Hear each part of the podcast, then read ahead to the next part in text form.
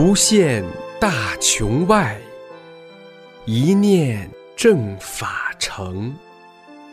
师尊慈悲愿，万物沐春风。请听明慧专题《一师恩》。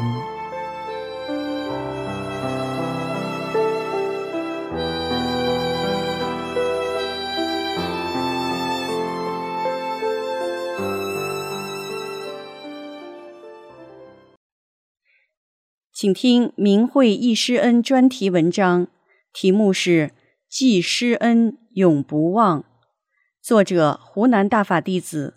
文章发表于明慧网，两千零七年十月九日。每当我双手捧起九四年参加郴州学习班与师父一起合影的珍贵照片时，总是抹不去对师父的那颗思念之心，两眼湿润。情不自禁的一股暖流通透全身，心情久久不能平静。十三年来，师傅那高大的身影、和蔼可亲、满面慈祥的容貌，那一幕幕又清晰可见的浮现在我的眼前。这是我一生中最幸福的时光，是大法给我的最大福分，同时也激励着我。在返本归真的修炼路上，一直走到了今天。我二十多岁就被病魔缠身，多种疾病把我折磨得求生不得，求死不能。年纪轻轻却不能工作，为了求生，曾访遍了省内外的有名老中医。我吃的药可以用车子装，拜过气功师，学过多种气功。后来又皈依佛门，但都无济于事。医生都说我活不过八九年。在我活着痛苦、死不甘心的十余年里，常常仰头问苍天：为什么命运对我如此残酷？每当夜深人静的时候，我总是有一个愿望：能找到一个能治好我的病的名师，多好啊！一天夜里十点多钟，我刚上床，似睡非睡，亲眼看见从天上下来一颗闪亮的星星，直奔我家窗口进来，落到我床前，竟然是一个老寿星样的神仙，穿一身白色缎织的衣袍，白发向后梳起，一尺多长的白胡须，手里拿着一个白色的拂尘，微笑着看着我。他用拂尘对着我上下扬了一下，说道：“妹子，你不会死的。”话音刚落，就隐去了。我急忙起来，只见一颗星唰一下就出去了。这个神仙到底是谁？他怎么知道我的？直到我得法后，才解开了心中多年的谜。一九八九年，我突发急性心肌炎住院。医院已经下了病危通知，家人把寿衣都给我买来了，谁都没料到我却奇迹般的活了过来。医生只是说我的生命力很强，但我始终相信那位神仙说的话。九四年，我家人告诉我说，七月份郴州有一个新的气功学习班，特别好。当时我没打算去。想让我家人把我的照片带去，交一份学费，请师傅在照片上下个法轮带回来就行了。但他们一定坚持要我亲自去一趟为好。经过一番劝说，我决定去了。到郴州后，我们住的旅店是由气功协会安排的，大多数是来自全国各地的学员弟子，很多都是跟了几个班的老学员。我还听到很多人都说师傅是来正法的，不是一般的气功师。非常庆幸自己还是来了。当我第一眼见到师傅，迈着稳健的步伐走上讲台，在热烈的掌声中，师傅微笑着向大家单掌致意。在师傅的身上透着一种超凡脱俗的气质，就是与众不同。在课堂上。师傅讲的法轮佛法的精深法理，像一块磁铁紧紧地吸住我了。我的心灵震撼了，在我心中十多年来对生命、人生的谜如梦初醒。原来我们来到这个空间做人的真正目的是返本归真。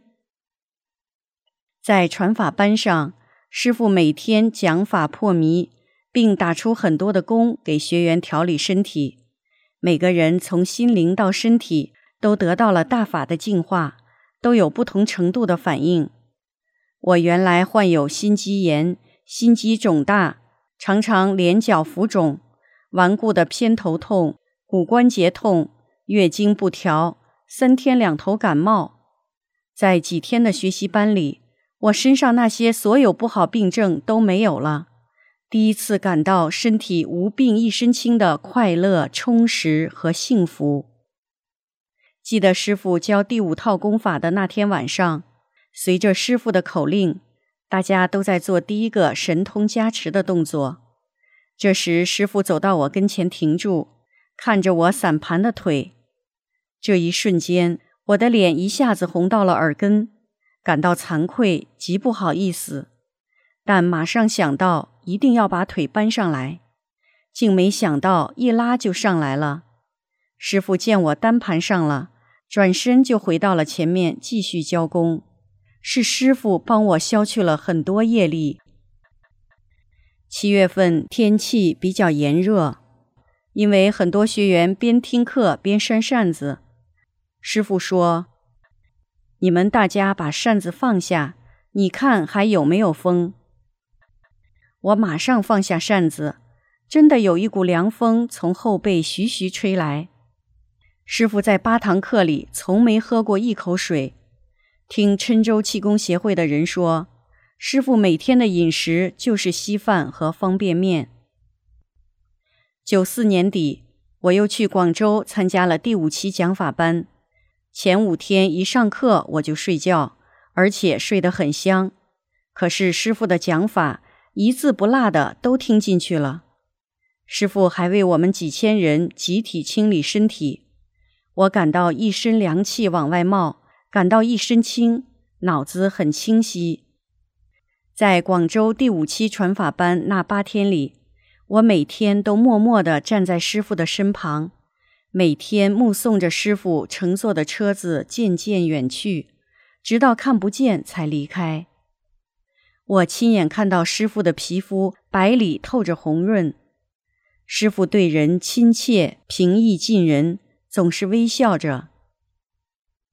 师傅为了拯救宇宙众生，把我们从地狱捞起洗净。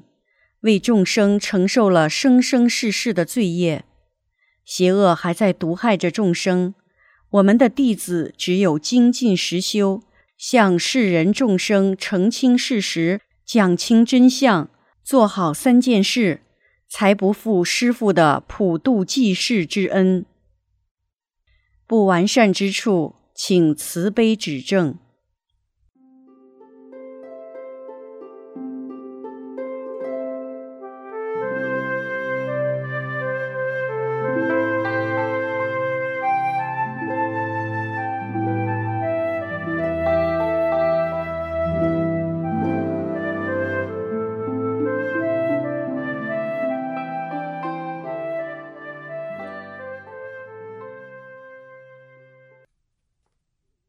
请听明慧易师恩专题文章，题目是《易师傅九四年八月在延吉传法》。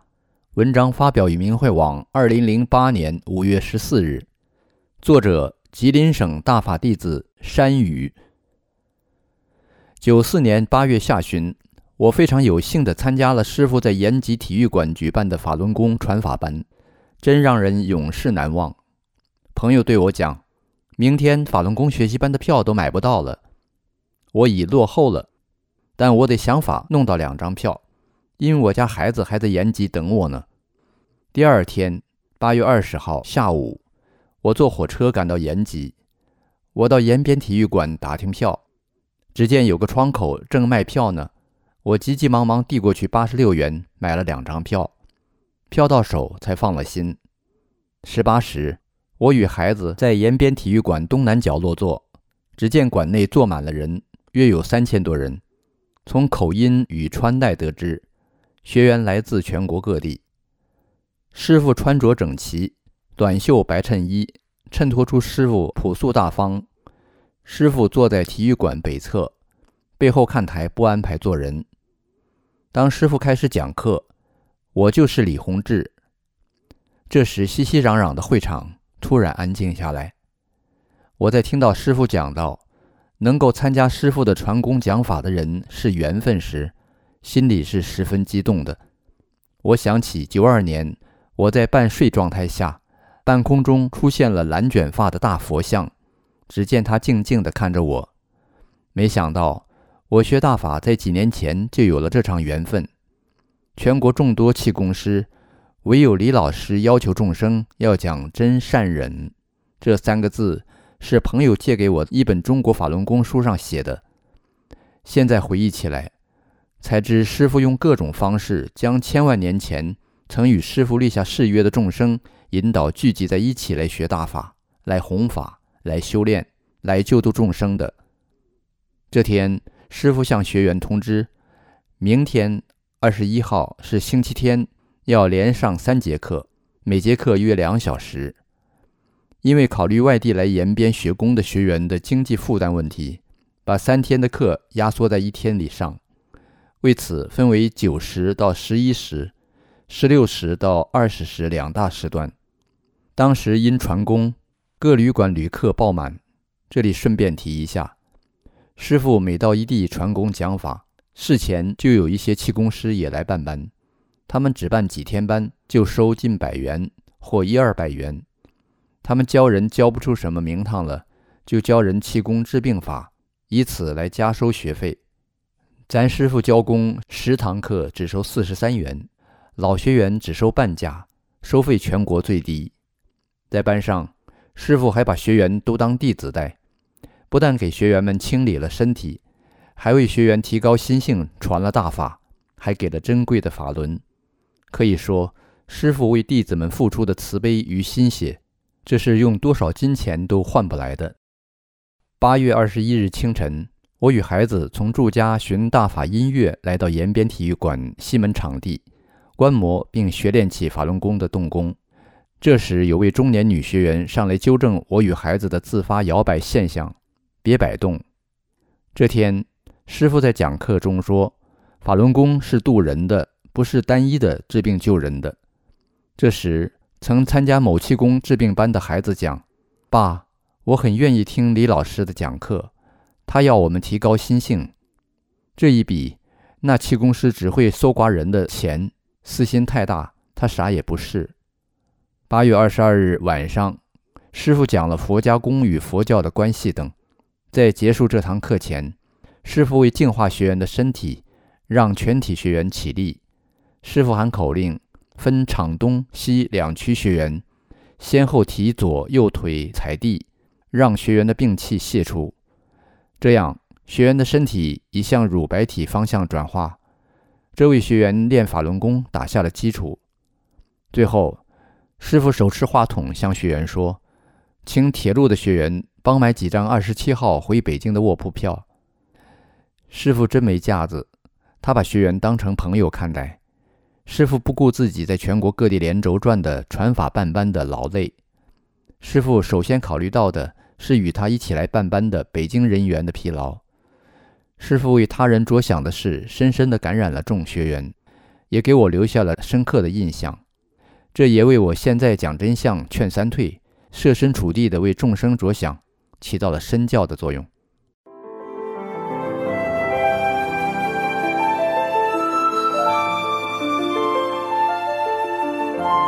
您现在收听的是明慧专题《易师恩》。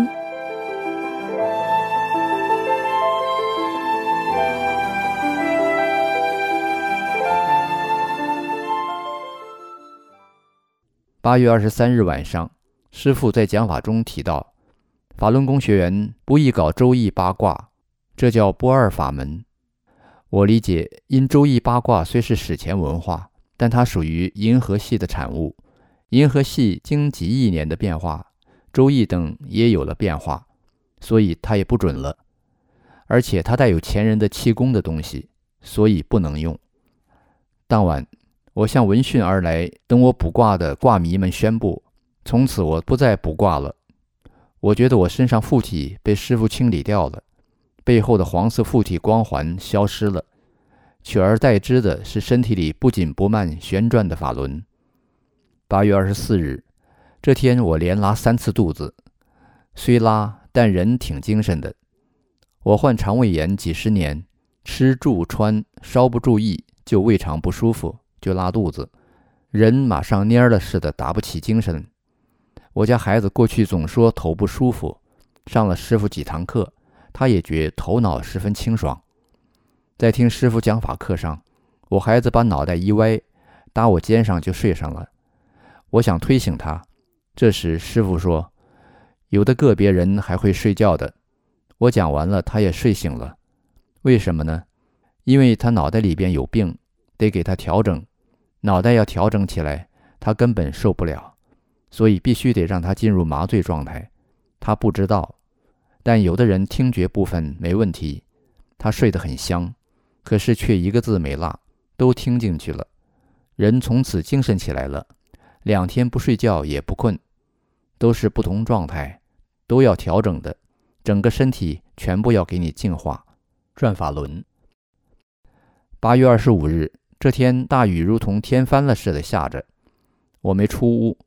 在借住的房东家看法轮功书，我看别的书会时看时不看的，看大法书却爱不释手。说也神奇，临去体育馆上课前一小时，大雨突然停住了。这时人们从四面八方向传法学习班聚拢，听师傅讲法。记得来参加学法班的各阶层人士都有，其中有身着土黄僧衣、打白绑腿的年轻僧人。有衣服上印有 CCTV 字样的记者，有挂胡须的老者，有手臂能显预测字样的道家高手。虔诚的人们带着向善的心来学大法。八月二十六日晚上，师傅讲完法后，亲自为学员们传授法轮功五套功法。前几堂课在讲法后，师傅让带来的学员教大伙动功，随后师傅绕场挨个纠正学员的动作。这天是师傅亲自教功，学员异常兴奋，有照相的，有用摄像机拍录的。我与孩子认真地学练师傅的动作，师傅教的功，我们一家三口至今都在认真修炼着。因为功法是大法极重要的组成部分，尽管我们工作忙，有时睡眠少，我们都抽出时间练功修炼。如今练功学法与发正念。已成为我们生活的重要组成部分。练功学法与发正念，使我们克服懒散习性，让我们不要忘了自己是大法弟子。练功学法与发正念，使我们精力更旺盛，给我们讲真相、救度众生带来智慧和勇气。八月二十七日晚上，这天是传法班最后一堂课。师傅为照顾全国十七个省市的学员能赶上二三六次往北京方向的火车，特把时间由十八点提前到十七点开课。这堂课的头一小时是师傅解答学员们递来的提问的条子。当念到我弟的条子时，师傅只轻轻地念了一段后说：“你回去自己考虑。”师傅这句话让我受用一生，即碰到什么难题。就以法为师，向大法里找解释，向内找自己是否符合大法。如今我用一技之长之力，拉近与众生的距离，向众生讲清真相，给救度更多众生创造了条件。解答完疑问后，师傅应学员的请求，为学员们演示了大手印。只见师傅在铺有白布的桌子上双盘腿，大手印很是漂亮。当时觉得像法轮在四周转动，很壮观。在看神韵艺术团表演的《万王下世》中，见万王之王打的手印，里面有师傅打大手印的部分动作。原来神韵这旷世之作，包含有师傅的心血，包含了师傅对众生的慈悲苦度，太多太多的心血。学习班结束了，一些地方的法轮功学员纷纷向师尊敬送锦旗。以表达众学员对师傅感恩之心。延边朝鲜族学员穿着节日才穿的民族盛装，躬身向师傅敬献锦旗，师傅也回赠了锦旗。这时间，全馆掌声雷动，我心里也十分激动。这些天来，师傅冒着酷暑，不顾各地奔波，半班劳累，来边远山区为各民族百姓传法教功，为学员们能够修炼费尽了心血。这一切，我们都记在心中。我们绝不会辜负师傅对我们的期望，立志修炼要专一，做到师傅说的“功修有路心为镜，大法无边苦作舟”。红银。这时，全馆又掌声雷动。只见师傅将他办班全部收入的余款七千元捐给了延边州红十字会，表达他个人对该州百姓九三年遭遇到的低温冻害。与大洪水等多场灾害的关心与慰问。接着，师傅殷切希望学员们回去好好实修。又在拳馆掌声雷动中，只见师傅双手在空中一挥，做了个大手印，感谢学员们对师傅的虔诚之心。这时，我与孩子随人流从师傅讲坛北侧过道慢慢出馆门。这时，我心里想：师傅真辛苦，一会儿还要赶火车回长春。我朋友想与师傅合影，能碰着机会吗？刚想完，只见在馆中目送学员的师傅转身向我这边瞅了一下，我心一紧，师傅知我想什么了。后来听朋友讲，他们正在火车站前饭店吃饭时，只见师傅手拿只有半瓶水的矿泉水瓶，从饭店前走来，朋友们马上欢呼起来：“李老师好，李老师好。”师傅见是帮买卧铺票的一群铁路学员，高兴地与他们合影留念，了却了他们多日的心愿。因我要办点事，没与当晚坐火车回家，也没能与师傅合上影。不过我知道，师傅不是天天看护着我们吗？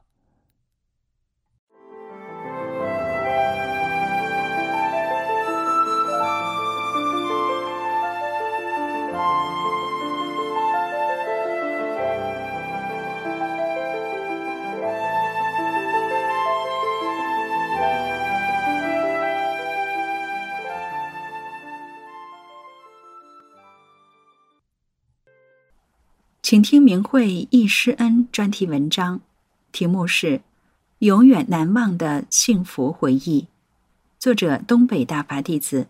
文章发表于明慧网，二零零七年九月十二日。一回忆师尊广州讲法传功的日子。我是一九九四年九月二十日得法的，得法后心中就有一个最大的心愿，能亲眼看到师傅。有幸于一九九四年十二月二十一日至二十八日参加了师尊广州第五期学习班，大陆最后一次学习班。当时我的座位是在师尊讲法的右后边的楼上，离师尊讲法的讲台比较远，看不清。当师尊进入讲法传功会场时，大家立即起立，掌声雷动，经久不息。师尊示意大家坐下。会场马上就静下来了。师尊魁梧高大，整个会场充满祥和。我当时心想，要是看不清慈祥伟大的师尊，就太可惜了。说啥也得近一点，好好看看师尊。师尊给大家清理身体时，告诉大家每个人想一下自己的病，或给亲人去的一种病。我当时想，学大法是因为我即将退休。同年十月退休，又听说是佛家功，我冲着这佛家走进大法来，没想什么治病，也没想给亲人去病的事，只是想，师傅啊，我从东北千山万水来一趟不易呀，最大的心愿就想好好看看师傅。第二天，同来的年轻人了解了我的心思，就对我说：“阿姨，你是想近一点看看师傅？”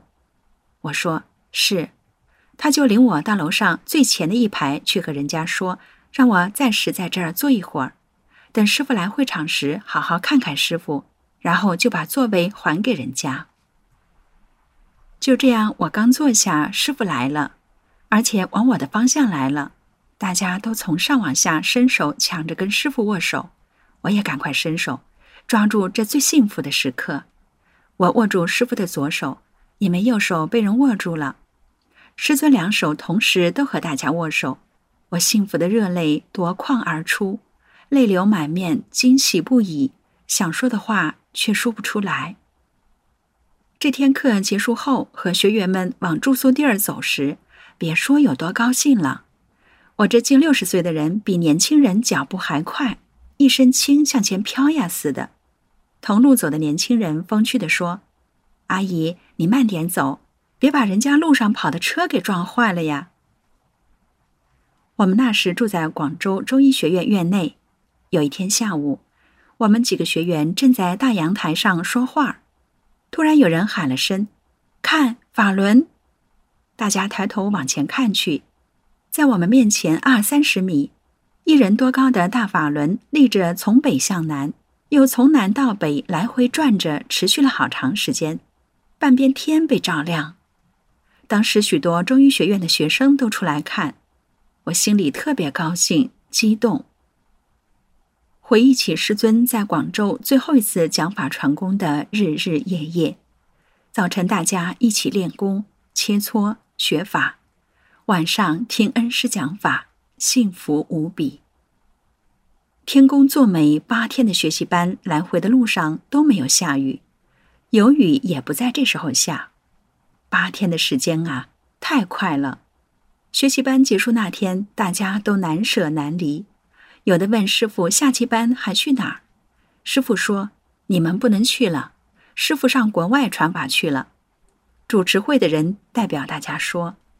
希望师尊早日达到回府啊！学员们盼望您。我只是泪流不止，久久不愿离去。二，有缘长春又见恩师。广州最后一次学习班结束后，我做梦都在想，还能听到恩师讲法，有缘还能见到恩师。一九九八年七月，我去长春。一个意想不到的机缘，我赶上了，聆听了恩师为长春辅导员讲法解法。我和儿子、女儿这次都有缘见到了恩师。记得当时说是要开会，我们大家来到了长春香格里拉饭店的一个会议厅，围着讲台一排排坐好，讲台上还布置了鲜花，大家都在低声嘀咕：“来这么好的会议厅开会，是谁要来啊？”是不是师傅要来啊？但大家又都不敢想。这时，身后门口响起了雷鸣般的掌声：“是师傅，是师傅来了！”回头望去，师傅摆着手，大步从后面走来，走上讲台。我的泪水止不住的流了下来。我自得法后，对师尊的高德大法一直坚信不疑。坚定的走大法修炼的路，在邪恶迫害的时期，在修炼路上，风风雨雨，摔摔打打，走到今天，否则无颜见恩师。绝不辜负师尊呵护苦度，做好三件事，紧跟恩师走到底，绝不违背自己的誓约。